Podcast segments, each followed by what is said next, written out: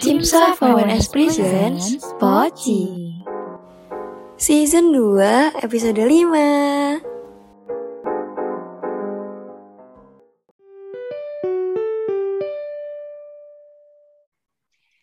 semuanya, kembali lagi di Poci, podcast Cimsa dari Cimsa FKWNS. Perkenalkan kembali, aku Diana, atau biasa dipanggil Dayan sebagai Alumni Director Cimsa FKWNS 2021-2022.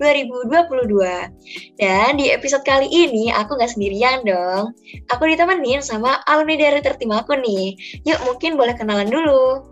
Halo Dayan, halo juga semua pendengar uh, Poci. Nama aku Vanessa sebagai alumni direktur tim dari Cimsa FKWNS 2021-2022. Salam kenal semuanya. Halo, salam kenal Vanessa. Nah, dan Poci episode kali ini spesial banget nih teman-teman. Karena merupakan Poci edisi Meet Our Figure atau MOF. Tapi kayaknya ada beberapa pendengar yang mungkin baru pertama kali dengar nih Nes tentang MOF. Mungkin kamu boleh jelasin dulu nih Nes tentang si Meet Our Figure.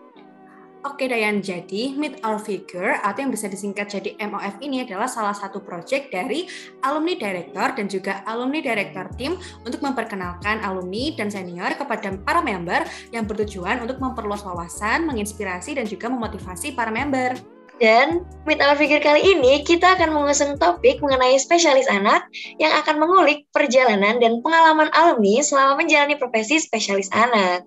Dan tentunya kita nggak bakal bahas ini berdua aja ya Nes, tapi bakalan ada tamu spesial yang keren banget nih. Bener banget Dayan, jadi selama podcast ini kita bakal ditemenin sama salah satu alumni dari SKOMI Cimsa FKWNS yang dulunya pernah menjabat sebagai LOMI atau Local Officer on Medical Education untuk tahun kepengurusan 2005 eh, dan 2006 dan juga sebagai NOMI atau National Officer on Medical Education tahun kepengurusan 2006-2007 eh, yang sekarang ini nih sedang menjalankan profesi sebagai dokter spesialis anak di Rumah Sakit Ibu dan Anak Brawijaya Antasari, Jakarta Selatan. Oke, mungkin daripada makin penasaran nih, kita langsung aja ya untuk menyambut tamu spesial kita. Halo, selamat malam dokter. Selamat malam Mbak Daya, Mbak Vanessa. Assalamualaikum. Waalaikumsalam. Waalaikumsalam. Sehat-sehat Mbak? Alhamdulillah sehat dokter. Mbak. Ya, apa yang bisa saya bantu Mbak? Oke dokter, mungkin dari dokter boleh uh, silakan untuk memperkenalkan diri terlebih dahulu nih dok kepada para pendengar Poci. Ya oke, terima kasih Mbak Dayan, Mbak Vanessa. Saya Reza Abdul Salam. Uh, Alhamdulillah menjadi dokter spesialis anak. Saat ini saya bekerja di daerah Jakarta Selatan. Uh, saya dulu di angkatan 2003 FKWNS gitu ya. Terus kemudian lulus S1 dari UNS itu di tahun 2009. Terus kemudian melanjutkan PPDS spesialis anak di UNS juga tahun 2012 dan lulus tahun 2016. Wah, salam kenal ya Dokter Reza. Uh, sama-sama satu alma mater ya Dokter ya. Ya, betul. S1 S2 di UNS. Iya, terus sekarang saya sudah menikah dengan tiga orang anak perempuan. Uh, terus ya udah itu aja palingan Mbak. Tapi masih bekerja. Baik, salam kenal ya Dokter Reza. Uh, sekarang Dokter bagaimana nih Dokter kabarnya? Ya, terima kasih Mbak Vanes. Alhamdulillah saya sehat. Uh, Mbak Vanes, Mbak Diana juga sehat semuanya ya. Alhamdulillah dokter, uh, saya sehat. Diana, gimana Diana? Dan... Alhamdulillah sehat juga dokter. Saya. Oke dokter, uh, uh. nah kalau kita semua sehat-sehat di tengah uh, kondisi pandemi ini ya dokter ya. Uh, saat ini dokter kesibukannya apa aja nih dok? Mungkin boleh diceritakan uh, buat teman-teman pendengar. Oke, okay, ya saat ini saya bekerja di Rumah Sakit Ibu dan Anak uh, Brawijaya Women and Children Hospital itu di Jakarta Selatan di daerah Jalan Antasari uh, dan juga saya sedang bekerja di klinik uh, daerah uh, Ciganjur Jakarta Selatan juga. Jadi kalau pagi sampai sore saya di sana bekerja, kemudian malam sudah pulang. Jadi memang malam waktunya untuk keluarga. Mantap banget, dokter. Uh, sebelumnya terima kasih banyak dokter Reza udah menyempatkan uh, waktunya gitu dokter untuk hadir di podcast ini gitu. Harusnya malam istirahat ya dokter ya, tapi kita malah podcast nih dokter. Uh, terima kasih banget ya dokter ya untuk waktunya. Ya. Terima kasih banyak dokter telah menyempatkan waktunya dengan padatnya kesibukan untuk berbagi bersama kami dan para pendengar setiap wajib. Oke dokter, mungkin kita langsung masuk aja ya dok ke topik pembahasan kita hari ini. Nah pertama saya ingin bertanya nih dokter, uh, karena kita membahas tentang spesialis anak nih, nah saya ingin tanya yang pertama tuh apa ya kalau boleh tahu latar belakang dari dokter Reza untuk mengambil program spesialis anak ini dok? Mungkin boleh diceritakan dokter? Uh, latar belakangnya sih sebenarnya kalau dari awal ya, kalau dari awal sih sebenarnya nggak uh, nggak uh, lulus. Semenjak di kelas sebenarnya gak suka anak gak, gak suka begitu suka bagian anak gitu. Uh, jadi dulu selesai lulus malah saya pengen menjadi seorang radiolog atau seorang patologi klinik gitu. Karena kan sejujur uh, waktu awal tuh malas berhubungan dengan pasien gitu ya. Jadi kalau radiolog hanya melihat gambar ronsen atau uh, patolog klinik kan dia biasa hanya melihat hasil lab mungkin nggak berhubungan pasien tapi memang semenjak saya bekerja uh, sebagai dokter umum di daerah membuat saya jadi berubah ya gitu. Jadi uh, ternyata Indonesia luas dan ternyata memang terjadi ketimpangan gitu ya ketimpangan terutama fasilitas kesehatan gitu. Jadi yang mencetuskan saya untuk menjadi anak adalah saat saya bekerja di daerah dan itu memang apa ya uh, pertolongan uh, untuk bayi baru lahirnya itu aduh uh, bahkan maaf ya jeleknya saya pernah mendapatkan bayi sampai meninggal gitu. Dan saya nggak bisa uh, melakukan apa-apa dengan fasilitas yang seadanya gitu. Jadi memang hal ini mungkin menjadikan saya lebih harus banyak belajar dan ya alhamdulillahnya memang akhirnya niatnya ter apa ya niatnya ter terus dan akhirnya daftar untuk menjadi uh, sekolah di bagian anak mungkin itu. Wah, keren sekali dokter, Masya Allah. Berarti itu menemukannya di tengah-tengah seperti itu ya dokter, karena berdasarkan pengalaman-pengalaman yang telah dokter Reza dapatkan, kemudian menemukan di kejadian nyata yang menggugah hati dokter Reza, begitu ya dokter. Oke, iya mbak. Nah mungkin uh, tadi dokter Reza sudah sempat menyebutkan di dok itu hmm. saat dokter Reza buat uh, di mana dokter bekerja di suatu wilayah seperti itu. Nah itu hmm. saat apa nih dokter kalau boleh tahu mungkin saat dokter sudah menjadi dokter umum atau mungkin okay. waktu masih koas gitu dokter? Iya, uh, uh, uh, jadi waktu saya dokter umum saya lulus 2009 di akhir 2009 di Desember, kemudian ya biasa dokter umum ya nanti yang tadi bakalan ngerasain juga ya bakalannya ya intinya mencari uang sendiri biasa jaga-jaga klinik. Jakarta udah banyak banget tuh Jakarta sekitaran Jakarta. Jabodetabek tuh banyak sempat kerja di situ juga. Terus uh, bulan April dapat uh, kontak dari temen gitu. Mau nggak untuk kerja di daerah gitu? Jadi kita sebut bukan PT jadi PTT Jawa zaman saya itu ada PTT pusat sama PTT daerah. Jadi kalau PTT pusat yang uh, eh, IO-nya adalah Depkes langsung jadi kita harus daftar ke Depkes sedangkan PTT daerah ya yang diminta dari daerah tersebut gitu. Kemudian saya ikut PTT daerah saya ke pergi ke namanya Kabupaten Kepulauan Anambas. Itu ada eh, masuknya ke Provinsi Kepulauan Riau. Kamu tahu Natuna tuh di ujung sana, nah itu ada uh, selatannya tuh masih ada namanya Kabupaten Kepulauan Ambasnya di situ gitu. Sekitar enam bulanan di sana, jadi bulan 4 sampai bulan Oktober dan untuk mencapai ke sana itu agak sulit. Jadi saya dari Jakarta harus ke eh, terbang ke Batam, eh sorry Tanjung Pinang, ibu kota Kepulauan Riau, kemudian di Tanjung Pinang terbang lagi itu ke Mata namanya, kemudian dari Mata harus naik perahu lagi, kemudian dari perahu eh, kota Tarempa, di kota Tarempa kemudian saya harus masuk ke Pusmas saya lagi itu di masih enam jam dengan perjalanan laut gitu. Jadi memang uh, cukup menantang dan alam ya mas, mas, saya masih muda dan masih belum punya tanggungan ya jadi memang udahlah jalan-jalan aja. Ya, alhamdulillah masih diberikan keselamatan selama bekerja di sana sih gitu. Uh, terus uh, saya enam bulan di sana terus kemudian saya bekerja tahun 2011 saya sempat bekerja di rumah sakit umum daerah namanya Sendawar itu di daerah Melak. Melak itu di daerah Kutai Barat.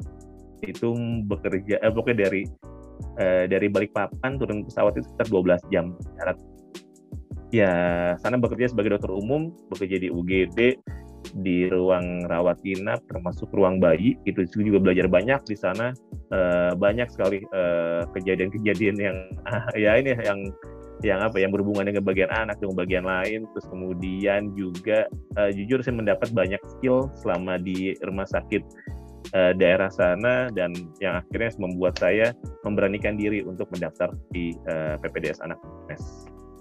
Hmm, iya dokter. Jadi mungkin ini tuh relate ya dokter ya sama kayak yang mungkin uh, saya dan juga teman-teman uh, alami gitu. Mungkin kita saat uh, pertama nih masih di kuliah kita punya nih mau spesialis ini, mau spesialis ini seperti tadi dokter Reza pengen jadi dokter radiologis dan atau patologi klinis gitu ya dokter ya. Tapi nanti begitu kita terjun nih dokter ke masyarakat kayak dokter tadi ke Kutai gitu, uh, masuk daerah-daerah uh, tuh kayak melihat langsung nih fenomena-fenomena di masyarakat itu kita jadi kayak punya pandangan lagi gitu ya dokter. Kita jadi kayak punya insight lagi gitu tentang uh, spesialis apa sih yang mungkin masih dibutuhkan di Indonesia ini gitu ya dokter ya. Iya betul, memang ya itu sih mungkin mungkin sebagai udah selesai sekolah terus kemudian bekerja mungkin nanti ada ya mungkin sebenarnya jadi ada suatu hal yang bisa menggugah hati dan akhirnya membelokkan itu dan akhirnya ya udah daftar sekolah gitu. Ya seperti itulah pokoknya. Nanti bakal ketemu sendiri nanti. panggilan iya dokter ya. Iya boleh deh boleh deh. Panggilan jiwa buat ya setuju banget. Mungkin ini nanti bisa nih jadi inspirasi sama teman-teman. Nggak usah buru-buru nentuin gitu. Nanti ya. datang sendiri panggilan hatinya. Iya. Oke mungkin kita ke next question. Dayan Oke, terima kasih dokter. Nah tadi ya kayak yang dibilang tadi ya jadi kalaupun kita sekarang masih bingung-bingung nggak apa-apa ya kita kalaupun udah punya target juga nggak apa-apa bisa kita jadikan biar kita lebih semangat belajar tapi nantinya tentu bakal kembali lagi nih ke hati kita gitu oke selanjutnya nih dokter saya izin bertanya. Jadi tadi dokter Reza sempat berkata nih dok kalau mengambil PPDS anak itu di UNS ya dokter, benar ya dok? Oke, ya betul. Uh, saya daftar di tahun 2012, masuk di Januari 2012 di UNS S2-nya. Kemudian apakah ada alasan tertentu dokter kenapa kok memilih untuk melanjutkan mengambil pendidikan spesialis anak di Universitas 11 Maret?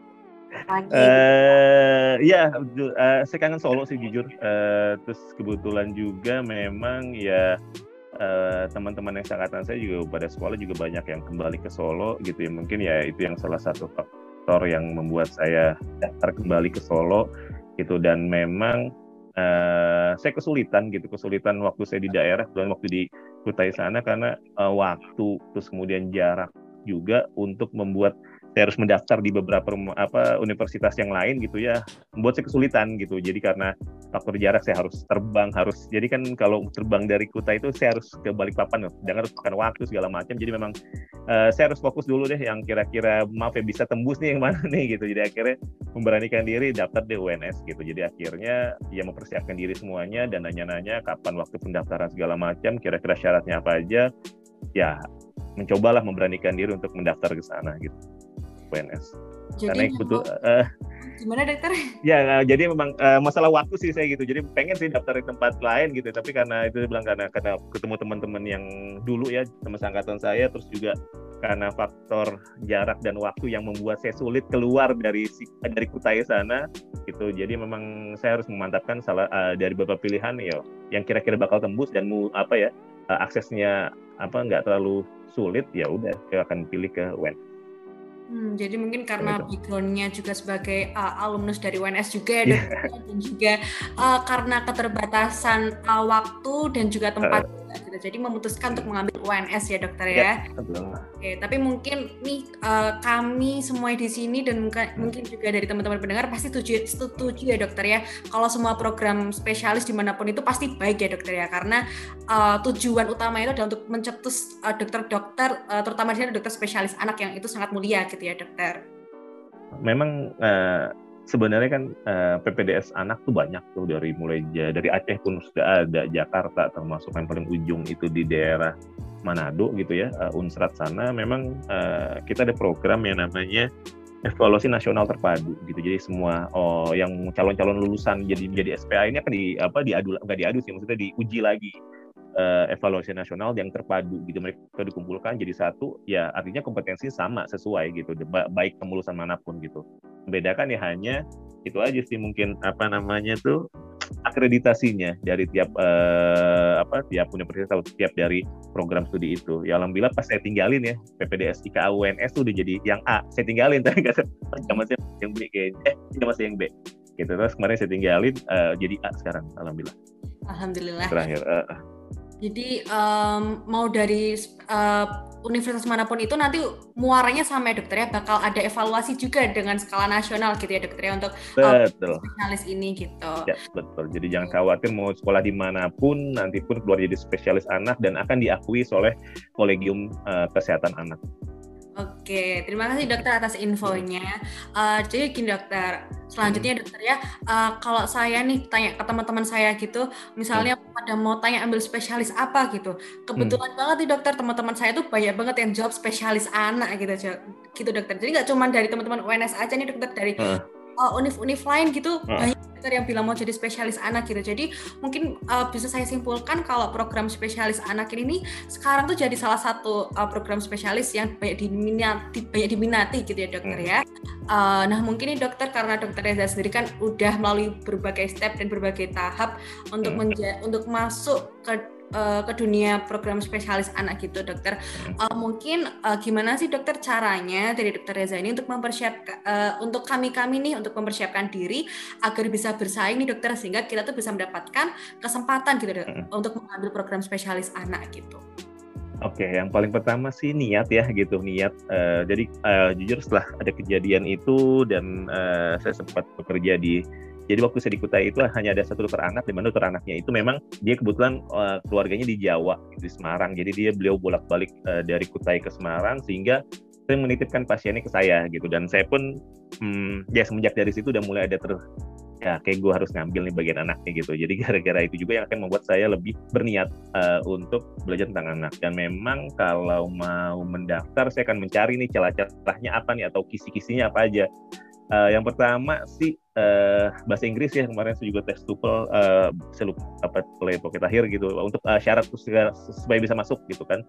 TOEFL terus kemudian ya saya baca tentang kalau zaman saya dulu uh, ada namanya PPM PPM itu pedoman pelayanan medis bagian anak gitu ya. Saya baca itu semua gitu. Jadi tentang uh, apa namanya penyakit-penyakit yang sering kejadian terima pada bagian anak gitu. Dan ya kalau memang pengen niat mendaftar saya akan tanya uh, ada nggak uh, teman saya atau senior saya yang sudah duluan berkecimpung di, di uh, apa di jadi PPDS residen anak gitu. Nah terus saya akan tanya beliau apa sih kayak kiat-kiatnya apa yang perlu disiapkan segala macam. Jadi kalau beliaunya sudah ngasih seperti ini seperti ini saya tinggal ikutin gitu. Dan apalagi ya uh, dukungan orang tua jangan lupa uh, kalau memang ini balik lagi ya uh, yang namanya spe, uh, program spesialis kan nggak mungkin nggak ada uh, harus ininya harus ada dananya gitu. Dan ini masalahnya saya juga uh, PTT juga ya dana juga belum cukup ya harus minta bantuan gitu kan. Jadi artinya kalau memang masih ada sokongan dana orang tua ya minta restu selain dananya selain doanya juga yang utama gitu doa orang tua itu yang paling penting. Itu alam semoga dimudahkan ya, untuk bisa masuk segala macam juga saat di sekolahnya juga lancar, aman gitu ya.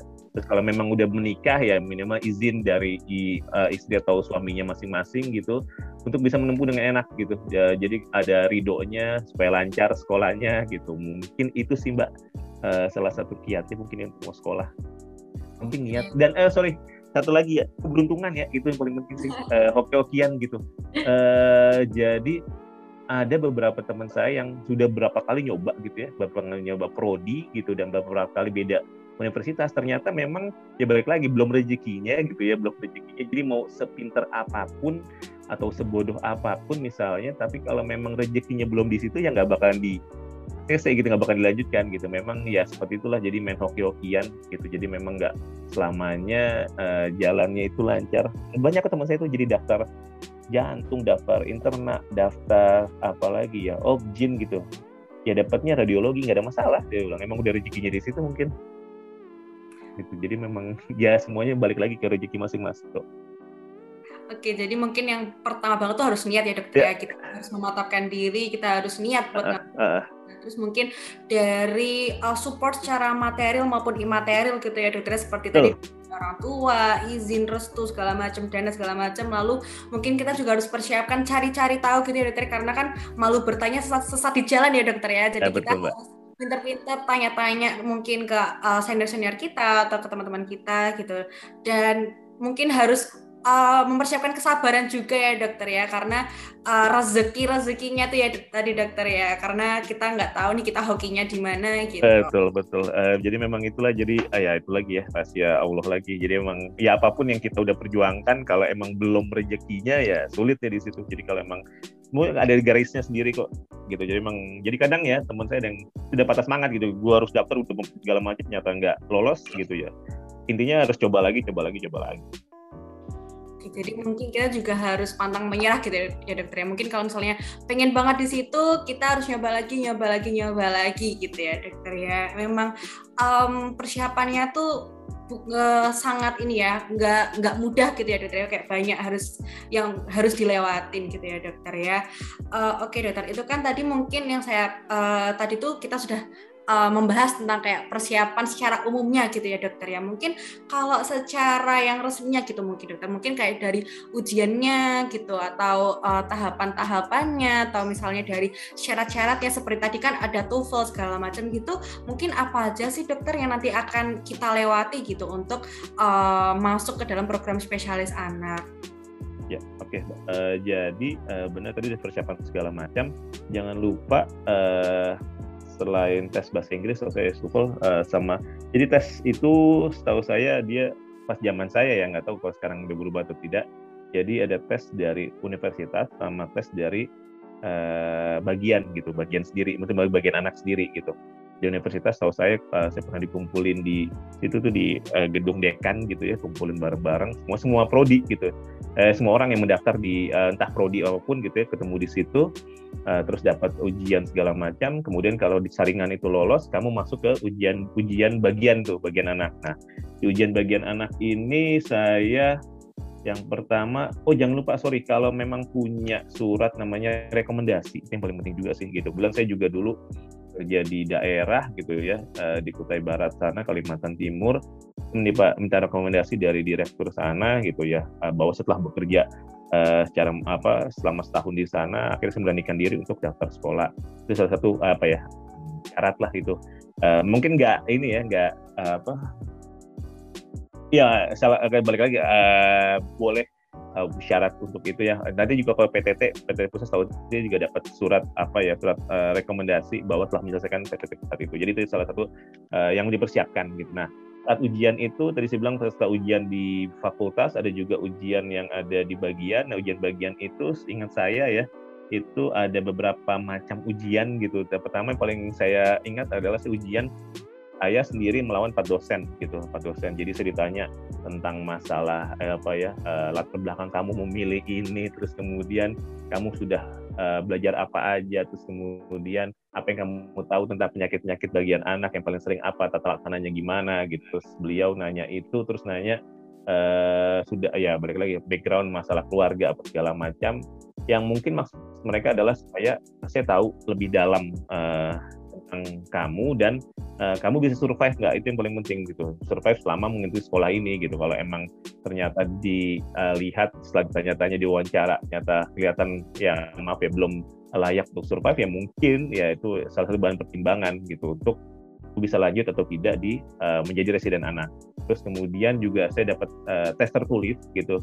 So saya tes pilihan berganda juga tes apa ya uh, presentasi uh, bahasa Inggris juga tentang masalah jurnal terus apalagi ya tes psikologi MMPI itu juga paling itu uh, dan alhamdulillahnya apa uh, saya masuk alhamdulillah apa sekali masuk alhamdulillah masuk gitu loh. Uh, sekali ujian alhamdulillah masuk. Jadi saya nggak nyoba-nyoba tempat-tempat lain lagi. Alhamdulillah hanya satu kali take itu udah langsung alhamdulillah masuk dan uh, saya lupa pokoknya dua atau tiga bulan pose ujian baru ada pengumuman dan akhirnya saya pulang kampung balik ke Jawa lagi setelah itu. Ah, keren gitu. banget dokter. Jadi one take nah. langsung dapat gitu ya dokter ya? Ya balik lagi reject rezekinya lagi mbak. Oke, jadi mungkin ya dokter ya karena hmm. program spesialis yang akan kita ambil nanti itu kan akan kita jalani seumur hidup gitu ya dokter. Ya, betul. Uh, jadi itu pasti pro, uh, apa jalan masuknya tuh sangat sulit gitu untuk menentukan apakah kita tuh bisa survive atau enggak. Mungkin tadi yang dokter bilang ada uh, ujian tertulis, lalu ada ujian dengan uh, dosennya seperti itu. Jadi uh, memang nih harus kuat-kuat mentalnya, ilmunya semuanya tuh harus dipersiapin ya teman-teman pendengar. Kalau misalnya nih mau ambil program spesialis anak harus mungkin dipersiapkan dari sekarang gitu kali ya dokter ya. Boleh mbak. Oke, uh, mungkin dokter.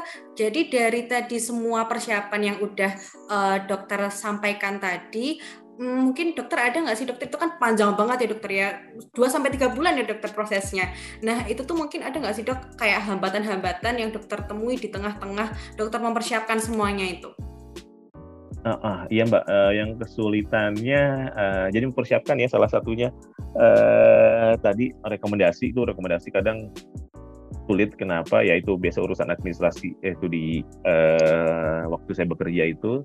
Terus yang kedua adalah ya hambatan kan kalau saya ujian uh, artinya saya harus datang ke tempat gitu ya. Saya ujian tuh dua kali itu. Dan akhirnya memakan waktu dan uh, jadi saya harus meninggalkan pekerjaan saya gitu. Dan itu yang kadang uh, terhambatnya di situ. Jadi saya harus meninggalkan pekerjaan saya dan saya harus meluangkan waktu lagi. Jadi cuti dulu beberapa hari pulang lagi ke, ke Solo gitu ya lewat Jogja.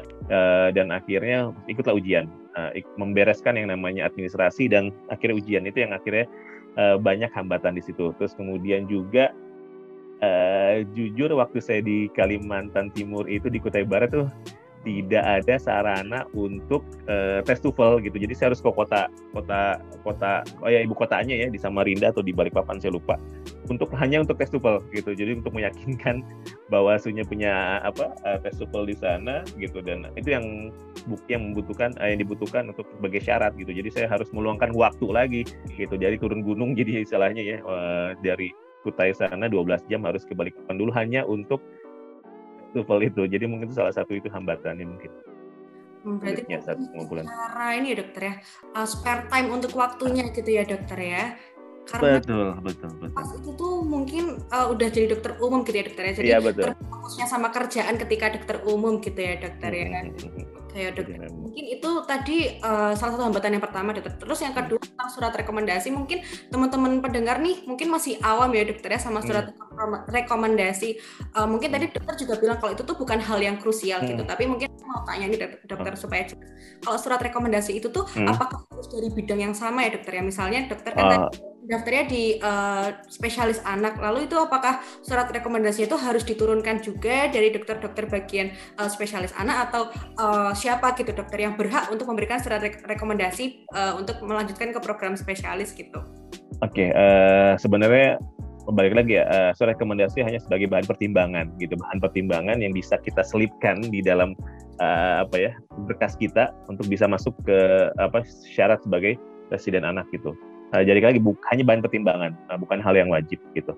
Itu satu. Yang kedua, memang uh, karena saya bekerja di rumah sakit dan ada dokter spesialisnya akan minta saya akan minta ke beliau gitu, sebagai uh, dokter spesial anaknya dan saya akan minta ke direksi ke direktur gitu ke direktur dan ya sudah mendapat ya ini agak sulitnya gitu jadi uh, dokter anaknya kadang nggak ketemu gitu nggak ada dan program direkturnya lagi urusan keluar. Nah ini kadang uh, apa jadi surat rekomendasi ini akhirnya menunggu harus menunggu agak lama keluar menjadi hambatan saat dia saya bekerja ya, saat mau mendaftar itu.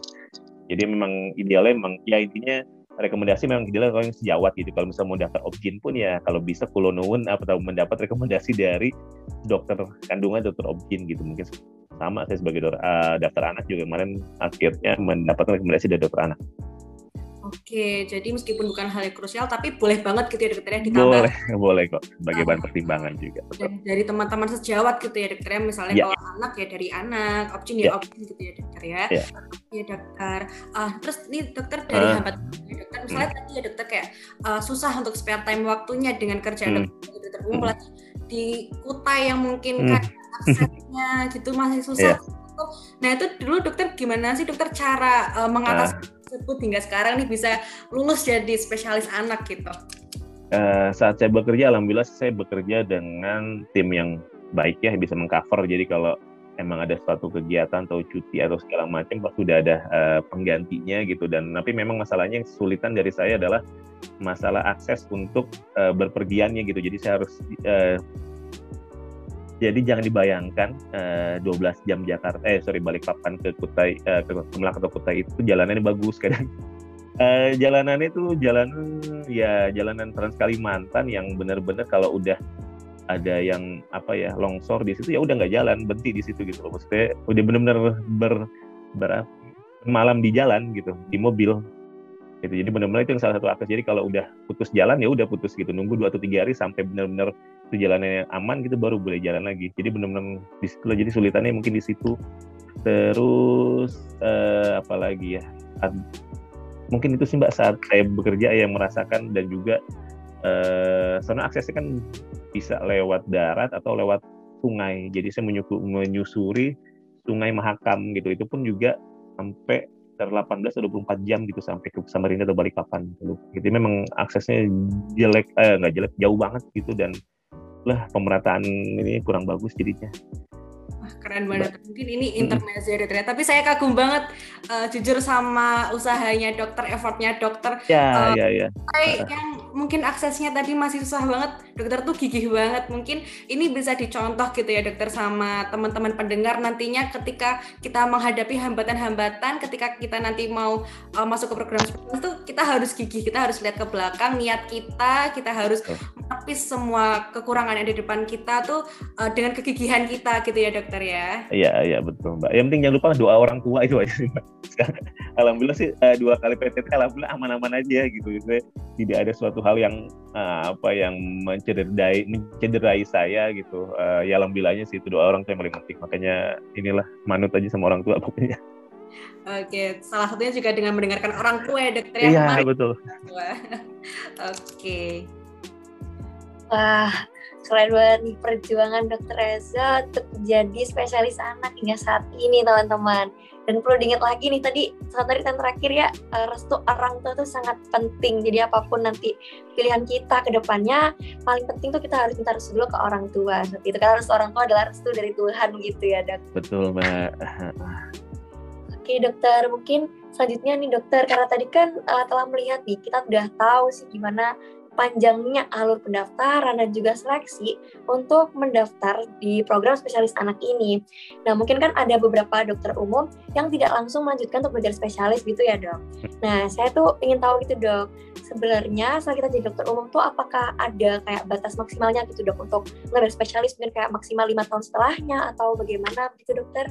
Uh, setahu saya memang uh, uh, sebenarnya spesialis itu terbuka kapan pun gitu ya, terbuka untuk kapan pun. Yang penting kamu sudah menjadi dokter umum gitu itu satu. Yang kedua adalah tidak ada batasan khusus. Um, setahu saya sih uh, tapi memang dibatasi terutama dari usia gitu usia. Jadi maksimal itu setahu saya ya uh, pada beberapa prodi itu di bawah 35 tahun gitu di bawah 35 tahun. Uh, uh, tapi ada pengecualian di prodi beberapa prodi gitu yang bisa di apa bisa dimasukin oleh orang yang sudah di atas 35 tahun gitu. Terus apalagi ya uh, tidak batasan ini tidak batasan khusus mbak, uh, mbak lulus langsung daftar juga monggo atau bekerja mau dua atau tiga tahun pun juga monggo gitu ya. tergantung balik lagi niatnya lagi gitu mau segera uh, sekolah atau tidaknya uh, kembali lagi pada orang itu masing-masing sih sebenarnya. Oke, jadi ternyata ada dokter ada batasan usia atau beberapa program studi tertentu, namun ada pengecualian juga. Dan yang paling penting balik lagi ke niat kita, pengen mencari pengalaman dulu atau langsung lanjut belajar lagi gitu ya dokter disesuaikan Betul. dengan keinginan hati dan kondisi ya. saat itu mungkin ya, itu ya. Jangan lupa kondisi keuangan mbak gitu. Karena sekolah masih uh, sekolah butuh duit pasti nggak mungkin nggak gitu. Jadi minimal kalau saya jujur kemarin bekerja uh, saya ya alhamdulillah dapat uh, rezekinya ya tapi memang ternyata untuk daftar nggak cukup ya mau nggak mau minta bantuan orang tua. Nah itu yang paling penting saya bilang tadi uh, dukungan material dan imaterial tadi kata Mbak Vanessa benar sekali itu.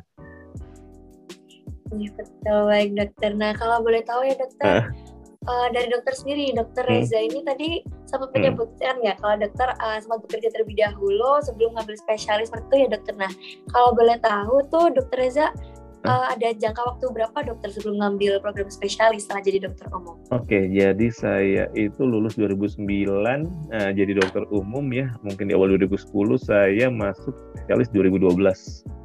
Jadi sekitar dua tahunan saya bekerja, tuh bekerja dan kalau menurut saya uh, ya insya Allah sudah cukup menurut saya gitu ya pribadi insya Allah sudah cukup. Dan saya juga bukan banyak sih maksudnya dokter tuh banyak uh, bakal banyak lapangan pekerjaan gitu ya. Bisa menjadi PNS kah atau bekerja di rumah sakit kah atau bekerja di tempat apa kayak dinas apa segala macam. Banyak tempat gitu ya tapi emang uh, saya pribadi uh, saya masih belum terikat gitu, jadi hanya sebagai pegawai tidak tetap ya itu pegawai tidak tetap gitu ya uh, yang akan sebenarnya lebih memudahkan saya untuk mendaftar uh, sekolah gitu beda kalau memang PNS mereka harus apa tahun bekerja dulu terus kemudian harus dapat permit dari uh, apa apa itu dinas kesehatan segala macam untuk bisa bersekolah lagi gitu. Jadi memang beda-beda sih mbak gitu. Jadi ada uh, mahasiswa yang kiriman, mahasiswa yang bahasa langsung gitu, langsung mendaftar itu pun nggak ada masalah juga. Jadi tergantung lagi uh, pada pribadi masing-masing gitu aja.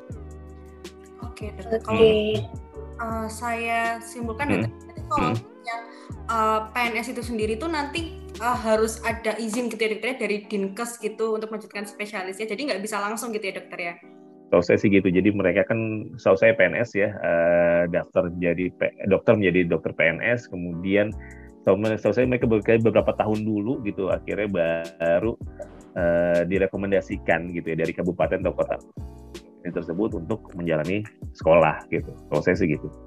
Oke dokter, jadi uh, sebenarnya itu tergantung ya dokter ya, tergantung hmm kesiapannya, yang kedua juga uh, mungkin tadi apakah terikat atau tidak begitu dengan suatu pekerjaan. Nah mungkin kalau saya mau tanya pendapatnya dokter Reza sendiri, dokter, uh, itu tuh penting nggak sih dok? Kita tuh punya pengalaman kerja dulu sebelum ambil spesialis tuh mungkin penting nggak sih kita tuh uh, nyoba dulu jadi jadi dokter umum dulu ketemu masyarakat dulu supaya ada feelnya gitu ke masyarakat melihat fenomena di masyarakat atau uh, lebih baik langsung spesialis aja gitu meng menghemat umur gitu ya mungkin dokter. Mungkin kalau dari pendapatnya dokter Reza sendiri tuh bagusan mana sih dokter?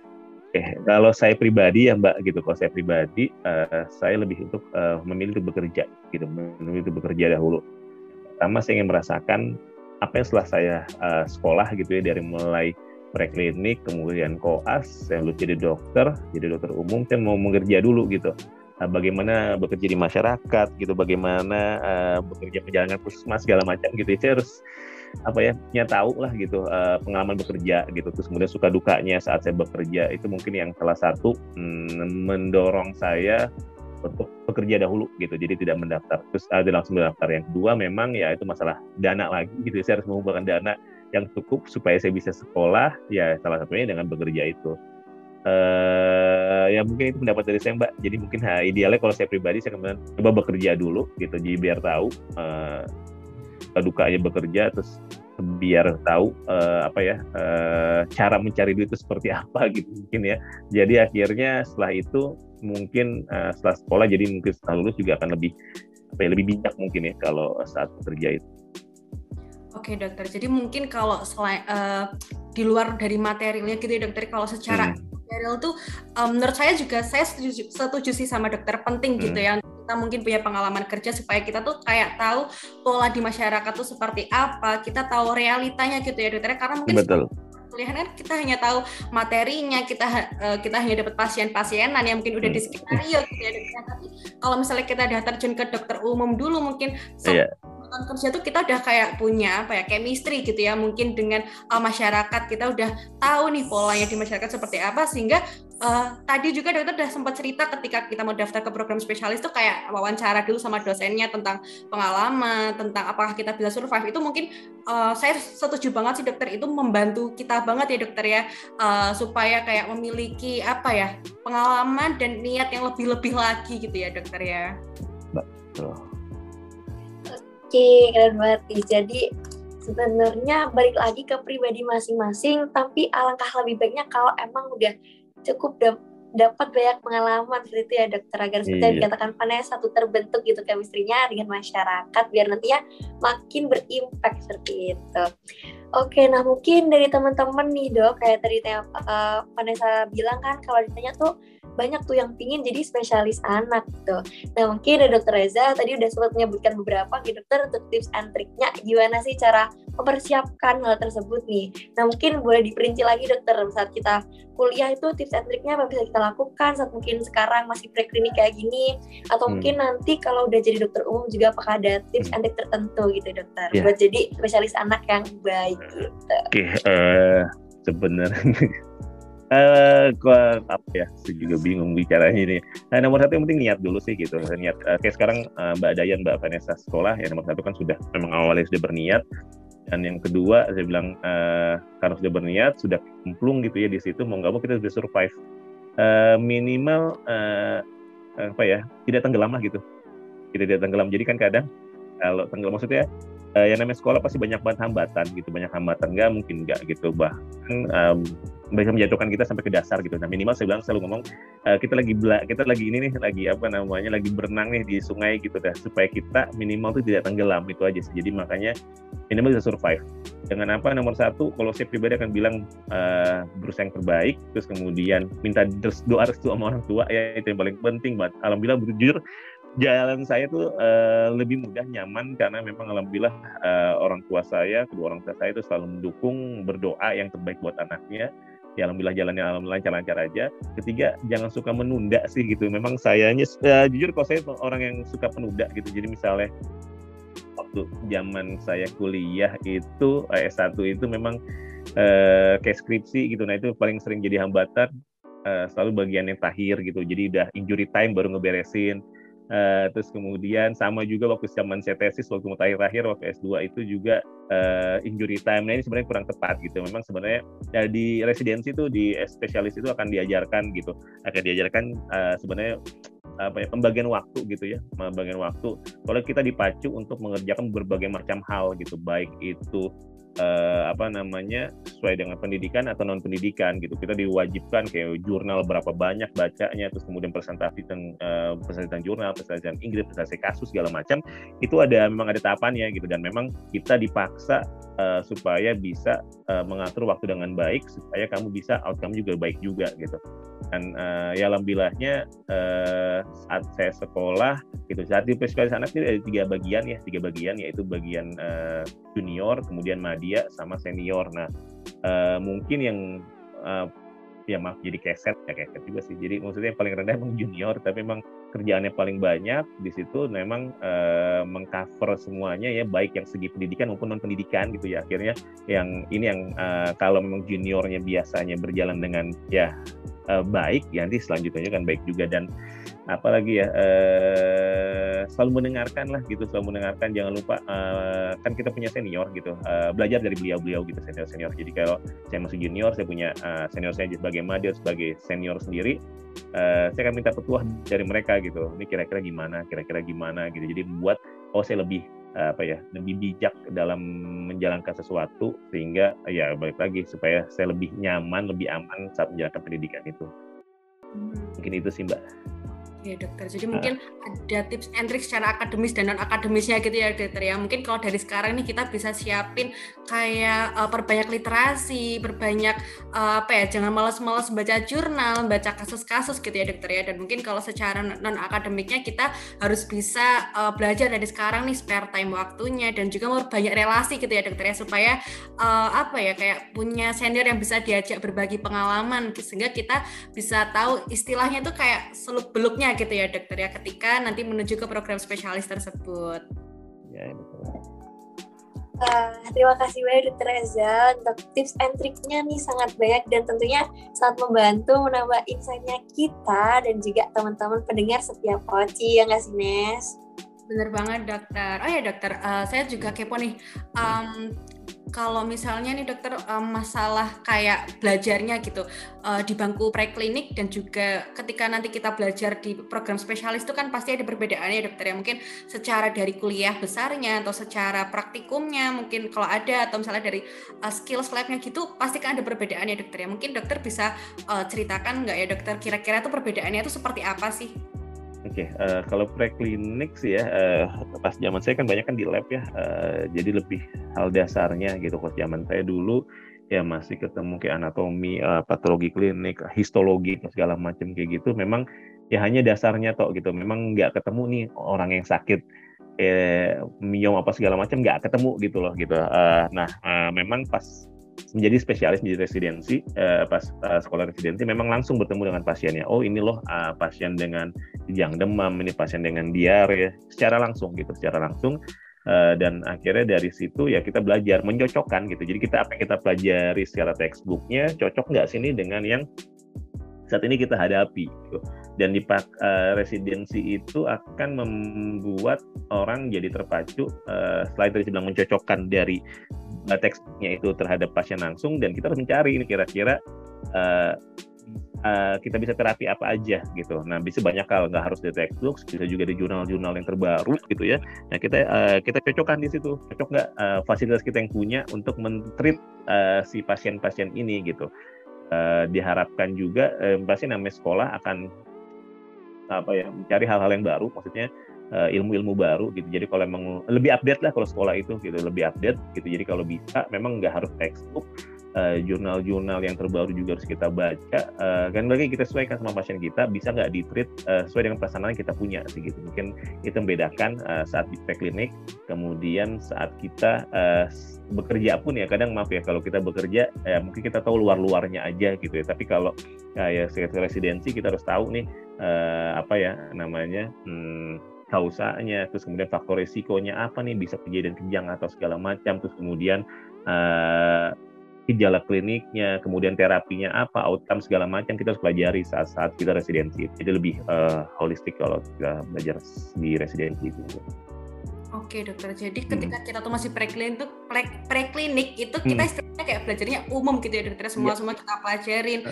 Uh, tapi kalau begitu kita udah masuk ke program spesialis tuh kayak kita fokus gitu ya dokter ya terhadap uh, bidang yang kita ambil gitu mulai dari semua semuanya mulai dari faktor resiko terapi gitu-gitu mulai udah terfokus ya dokter ya dan mungkin nanti uh, kalau dulu zamannya preklinik tuh kita banyak di lab kegiatan uh, lab lab praktikum segala macam tapi ketika nanti program spesialis tuh kita justru banyak ini ya dokter ya kayak uh, langsung uh, studi kasus gitu ya dokter ya mungkin istilahnya.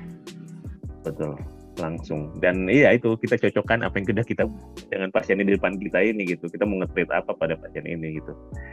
Jadi memang jadi ada praktek langsung jatuhnya sih gitu dengan pasien. Oke, jadi mungkin ketika kita nanti sudah di program spesialis itu kita harus up to date ya dokter ya. Betul. Literasi-literasi tentang uh, faktor resiko, terapi yang berkembang di masyarakat tuh kita uh, harus lebih up to date gitu ya dokter mungkin dan dari teman-teman pendengar nih kita bisa persiapin dari sekarang kita di masih di preklinik tuh untuk jangan malas membaca gitu ya karena uh, ini ya dokter ya kita kan dokter tuh uh, long life study ya dokter ya kita nggak boleh berhenti belajar gitu uh, sampai oh. nanti bahkan dari sekarang sampai nanti di program spesialis tuh kita tetap harus uh, belajar karena penyakit itu selalu berkembang ya dokter ya betul mbak betul betul sekali mbak oke okay. okay, dokter ini mungkin agak out of topic ya dokter ya kalau tadi tadi kan yeah. kita kayak dokter residen uh. dokter residen gitu nah saya tuh masih bingung dokter dokter uh. residen sebenarnya itu adalah dokter-dokter yang sudah lulus dari program spesialis atau yang sedang menjalani program spesialisnya gitu ya dokter? Uh, ya itu, uh, jadi residensi kita sebut semuanya sebagai mahasiswa PPDS, PPDS untuk pendidikan uh, program pendidikan dokter spesialis.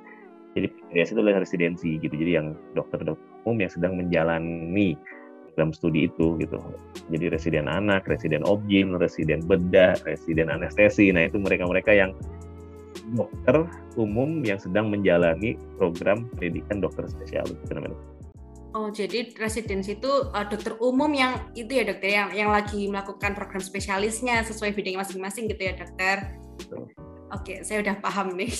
Terima kasih dokter. Wah, terima kasih dokter. Saya juga sebenarnya masih bingung gitu kan di film-film atau di drama kan Oh iya, drama ya. gitu. Oh ada ya. ya, jadi ternyata residen itu dokter umum yang sedang menjalani program spesialis. Mungkin emang, saya jadi memastikan uh, emang ada film emang ada film apa? Oh, Wah, biasanya ya karena mana salah satunya ini dokter yang paling sering dibicarakan sekarang tuh hospital playlist itu dokter kan banyak dokter residennya gitu itu drama Korea gitu dokter kebetulan. Banyak anime soalnya nggak suka gitu-gitu. Iya benar saya lagi ini apa lagi nerusin itu Seven Deadly Sins. Kenapa? Uh, jadi, jadi uh, saya lagi uh, jadi hiburan saya selain main PS ya saat ini ya hanya nonton anime itu aja sih sebenarnya. Oh, jadi, oh, jadi kayak selingan di sela-sela kesibukan iya, gitu. sela-sela kesibukan, sela-sela ngurus anak ya hiburan cuma itu aja main PS sama itu nonton anime aja. mantap. Ini ajang refreshing ya dokter ya biar agak pusing gitu lihat pasien-pasien terus gitu ya dokter ya. Harus tetap balance ya baik dari pekerjaan, keluarga juga refreshingnya gitu. Oke dokter, nah mungkin nih dokter karena tadi kan kita udah membahas ya dok kayak latar belakangnya dokter ini memilih dokter spesialis anak kemudian juga gimana ujiannya apa aja alurnya gimana tips and triknya nah mungkin sekarang akan masuk ke bagian gimana sih perjalanan juga pengalaman yang dialami oleh dokter Reza ini selama menjalani uh, program atau saat sudah menjadi spesialis anaknya begitu dokter. Mungkin yang pertama saya ingin tahu nih dokter untuk kesan pertama Pengen tahu gimana kesan pertama Dokter Reza saat menjadi spesialis anak? Pengalaman unik beliau bersama pasien anak dan orang tuanya? Hingga tentang program PTT atau Nusantara Sehat? Dan masih banyak lagi hal-hal menarik tentang dunia spesialis anak. Nantikan kelanjutannya di Poci episode selanjutnya.